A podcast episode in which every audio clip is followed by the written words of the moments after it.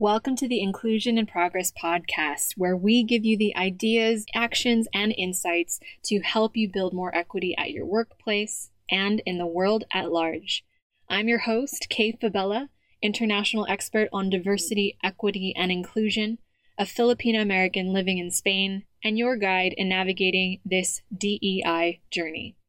Having worked with teams at companies such as Philips, the IMF, Red Hat, PepsiCo, and more, I know firsthand that the work of inclusion only works when everyone has a seat at the table. Regardless of your personal entry point into this conversation, your race, ethnicity, gender, ability, age, sexual orientation, country of origin, or educational background, we all have a role to play in creating inclusion for all. And it starts with us having conversations we need to create the change we wish to see. So let's dive into today's episode.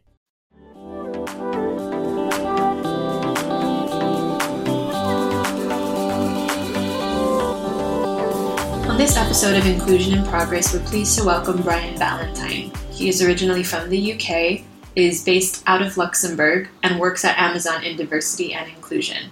He is also the author of Confessions of a Working Father, is incredibly active in DEI work, and talks about working families, the importance of shared caregiving duties, uplifting cultures both at work and at home, and talks about the importance of allyship. I really hope you enjoy the episode, as Brian was also one of the attendees of our executive roundtable for Big Tech at the end of April, and we had a really interesting discussion. So, enjoy the episode. All right, welcome back to Inclusion in Progress. Today, I'm excited to have Mr. Brian Ballantyne here with me. He is joining us from Luxembourg. So, we're trying okay. to get some more European folks here. We're super excited to have you. Thank you for being on the show today. Thanks, Kate. It's my pleasure to be here. Likewise. So I would love to dive right in. Um, obviously, I wanted to have this conversation with you because a big part of inclusion and progress is allyship. And so I'd love to hear from your perspective what you're doing over at Amazon and tell us a bit about yourself, your work, and how you got started on your own journey into diversity and inclusion and allyship. Absolutely, you know, happy to talk about that. So, you know, folks can't you know, see me on the podcast, but I'm a kind of straight white male, kind of Northern European British, not what you would call as kind of representing any particular dimension of diversity. Uh, so, why do I kind of care about this topic so much? And I think one of the reasons is that the family I grew up in was pretty diverse. So, it was a mix of obviously gender, ethnicity, religion, uh, sexual orientation, disability. So I think growing up in a, in a big family, which was pretty mixed, got me interested in caring for others who aren't me but are very close to me and I care about them. And as I've been growing up, there's been situations affecting people in my family which I've been very close to. And I think that's particularly why I care about these these different dimensions of diversity and equality and equal treatment because it's just so close to me. So while I personally may not be part of one of those diverse groups, there's people like my brothers and sisters who are in those groups and I care very dearly about. I love that. And I think it's so interesting because almost every conversation I've had up until this point on the podcast has been very much like, okay, so here's this group and this is what they want, and here's this group and this is what they want. But the big thing that every single uh, underrepresented group that I've spoken to so far has said is we need allies. And so I'd love to hear, you know, how obviously you had the personal experience growing up, but how did that kind of manifest itself in your professional career? In my professional career, I must admit I started off in marketing, which is you know, at least balanced from a gender perspective, more or less, at least at the junior levels. And so I admit I may not have been top of mind for me because I wasn't hearing any stories from people, I guess women who my friends were kind of still junior in their careers, maybe weren't experiencing any bias. At least they weren't telling me about it. And it wasn't until I got into kind of the hiring process.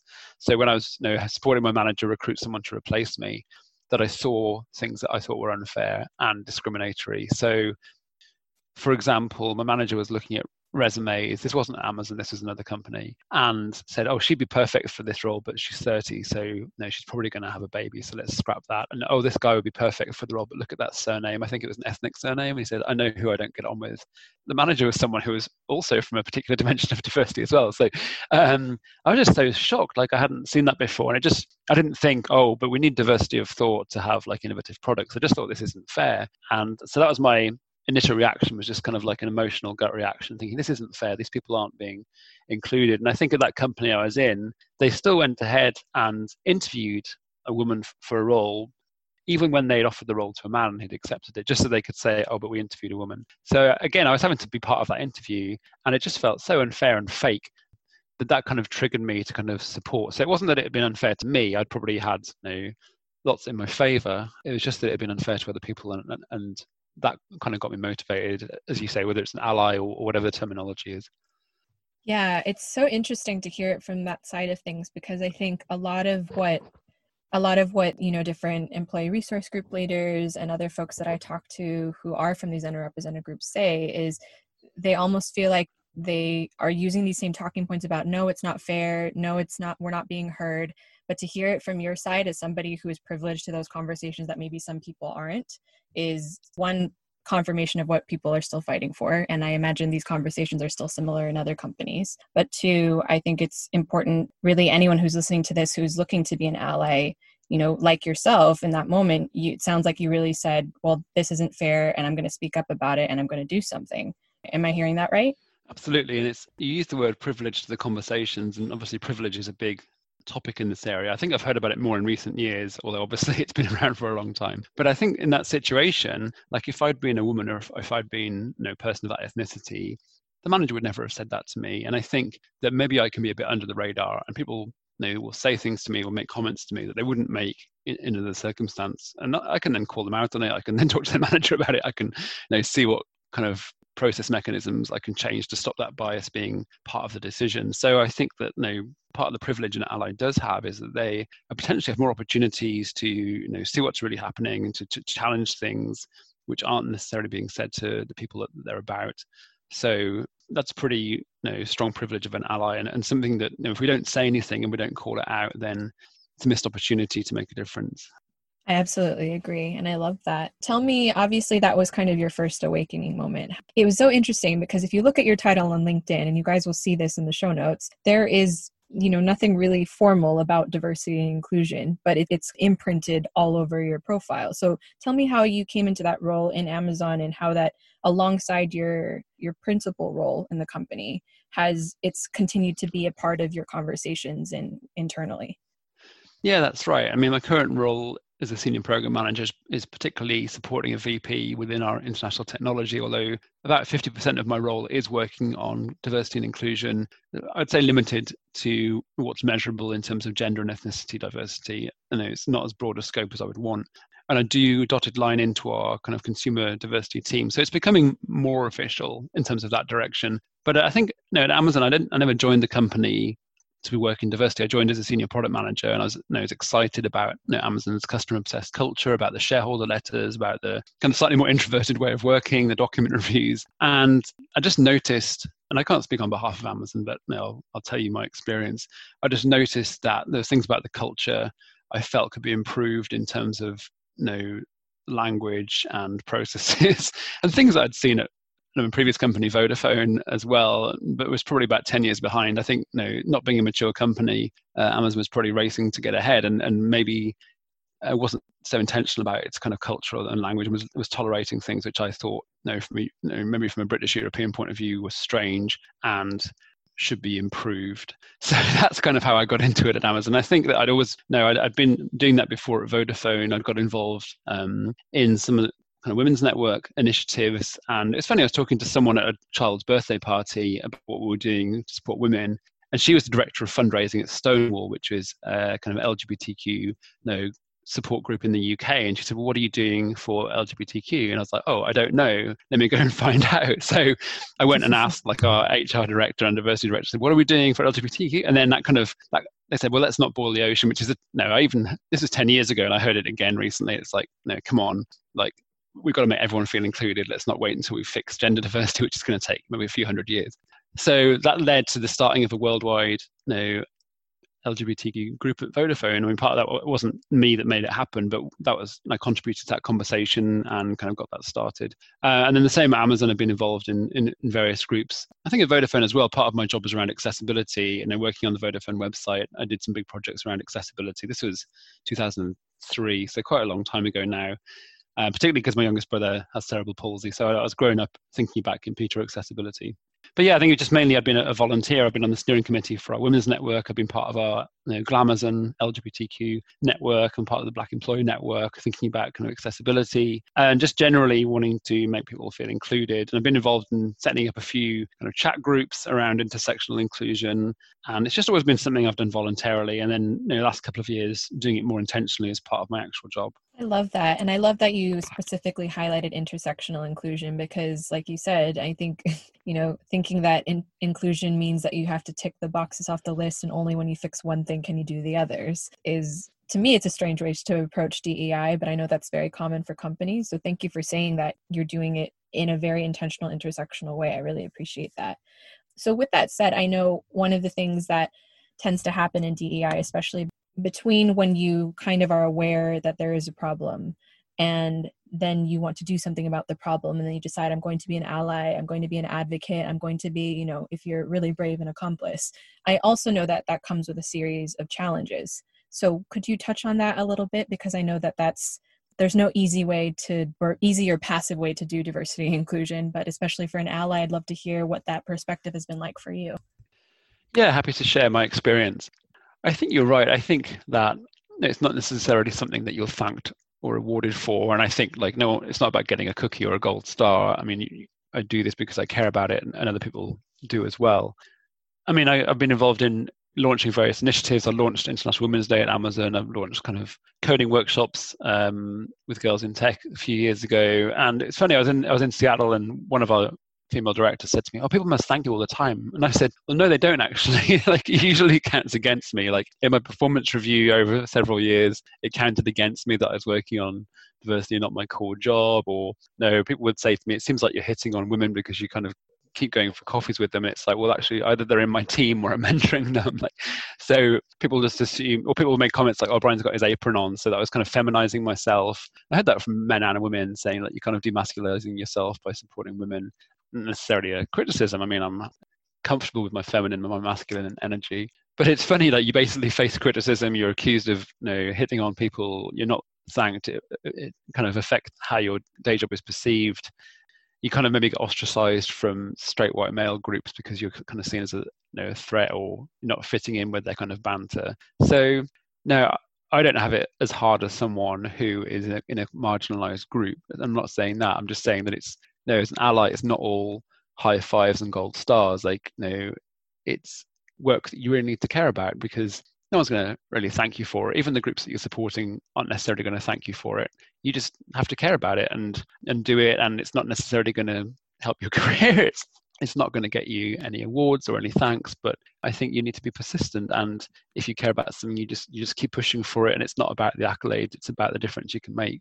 I really love that. Yeah, and it's it's so interesting, right? Because I think that at least from minority or underrepresented groups perspective, it's we can't be doing all the heavy lifting, but I think it's it's a real thing to consider for anyone who's listening who wants to be an ally or is on their journey towards allyship to make it more intentional in their work that it's not really all sunshine and roses for you to contribute to the cause either because we're all fighting for equality and while fighting for inclusion and that's a that's a steep uphill battle across the board. So thank you for sharing that perspective with us. And and yeah, I'd love to hear if anyone is listening who wants to get started in allyship or you know wants to get more involved and is listening is like i want to be more intentional in my career about diversity and inclusion i want to be more intentional about creating spaces where other people can feel safe and feel able to show up as their full selves at work what are some first steps that you would encourage people to do who are listening just to you know start their own journey yeah, I've tried to do this as well. I've I've done kind of talks on kind of being an ally. I'm,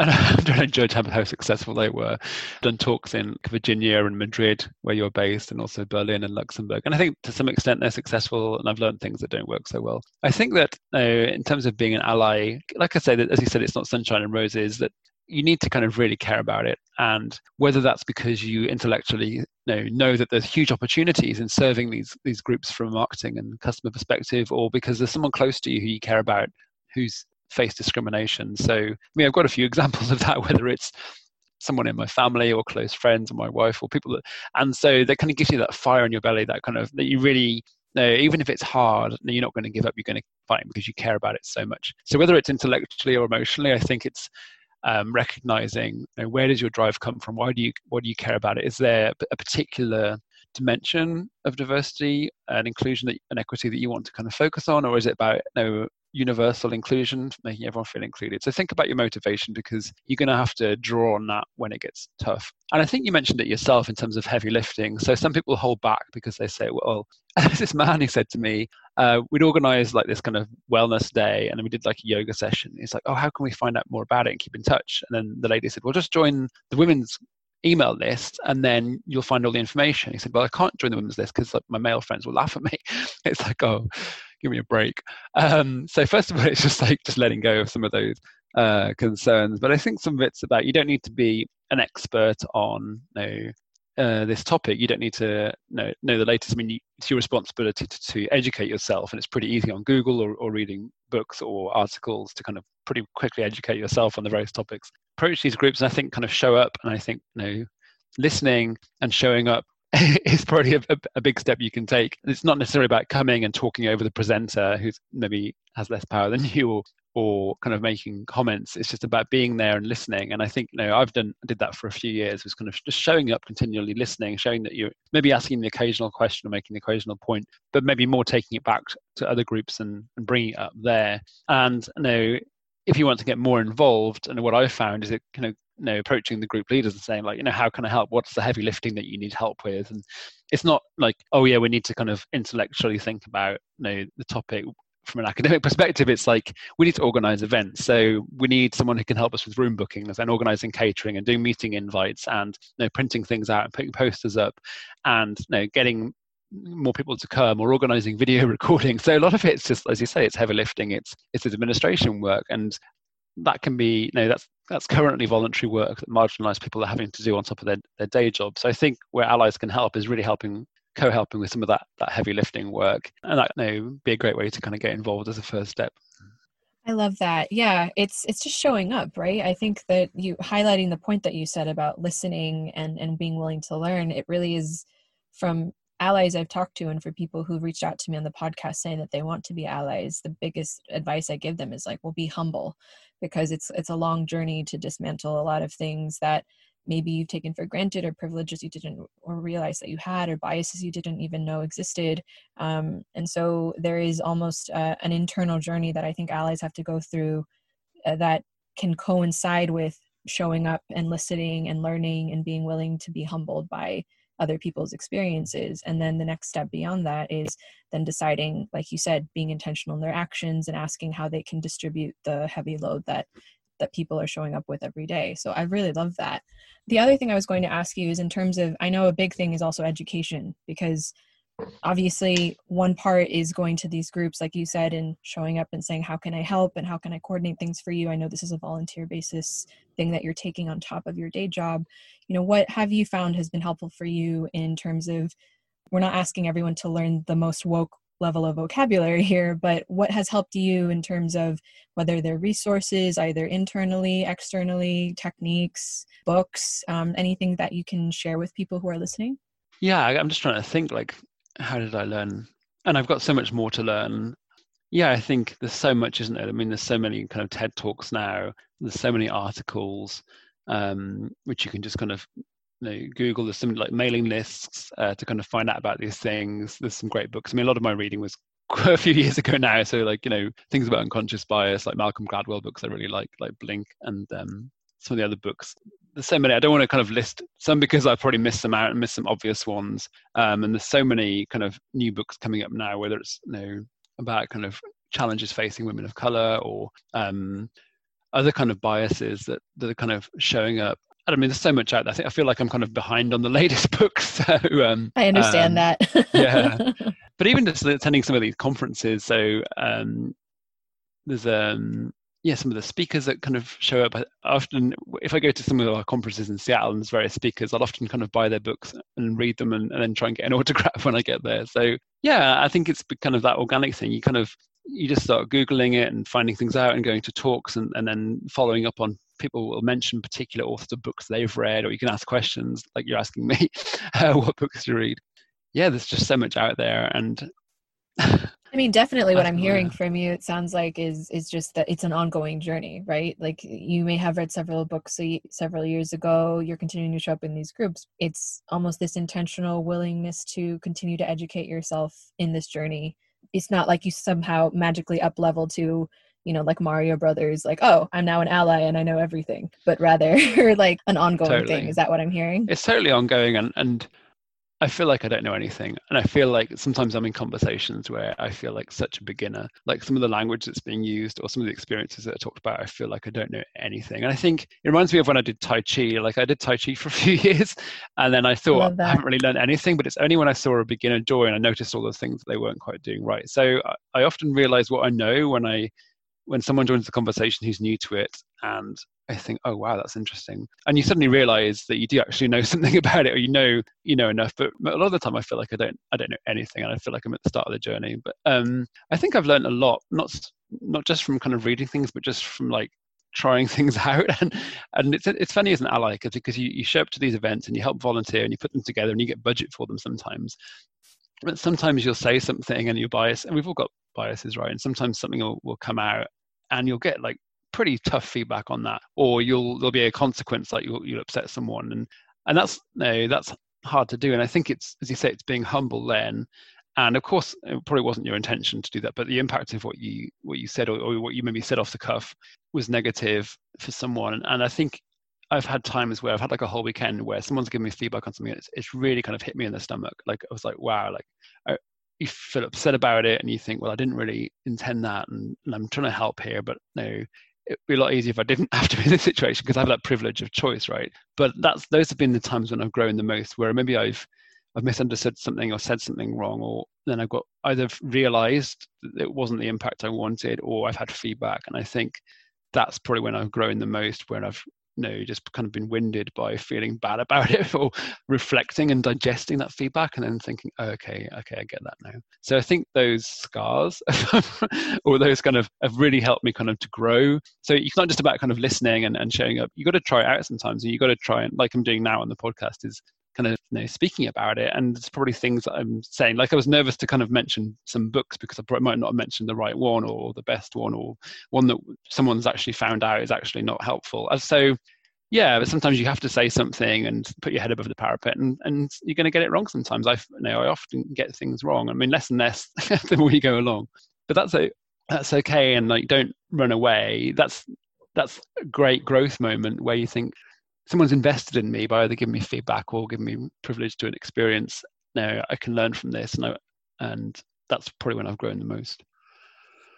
I really appreciate you sharing that. And you're right, it is going to be uncomfortable. It is going to be, I think, on all sides as we're all learning because you can't develop a collective vocabulary about how you want to build inclusion in companies and society if everybody's kind of stuck in their own corners thinking like i don't want to say anything because i might get it wrong. So i really love that you shared that and that it's an ongoing process and and that you never stop learning. So one final question for you actually um and obviously i could talk to you for for a long time because there's yeah. this is so fascinating. Likewise.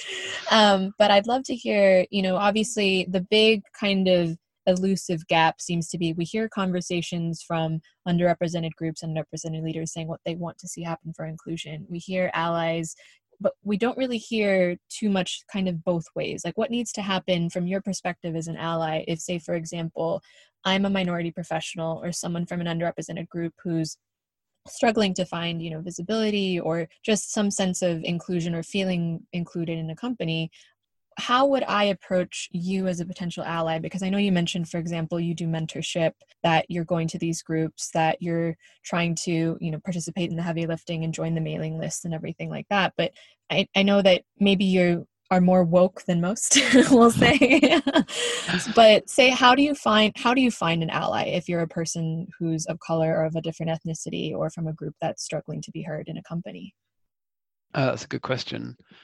Well, people do contact me a lot, and I think because I put myself out there on LinkedIn and, and to get criticism and get positive feedback, I think are people who are people who are kind of standing up and and doing allyship things, and not necessarily saying I'm an ally and it's not a badge of like I very rarely describe myself as an ally or an advocate. I'm just do things that I care about, and I think it's just seeing Um, so it's not about an ally allyship badge or mailing list or something. And who who is advocating for groups and it's not necessarily just straight white men. I mean, people who, let's say, a, a person of color could be advocating for disability, or someone who's gay could be advocating for you know, military veterans, or I don't know. So there's just it, it's not allies aren't all straight white men. Oh, um, who is being an advocate? And people approach me because they see some of the posts that I you know put out there or comments that I make, and so people can hopefully see that I care about this. People come to me and say, "Hey, I looked I saw what you were posting and I read through your resume and I looked at the groups you're part of and you seem to check out. So people do do kind of due diligence, like you, uh, just to check out that I actually kind of consistently care about this. So um, that's what people do for me. They you know look at someone's profile, check that you know there is a kind of consistent caring about it. It's not just a one-off, but like over for me over like you know from a decade professionally, probably 30 years know, socially that I've you know consistently cared about these things.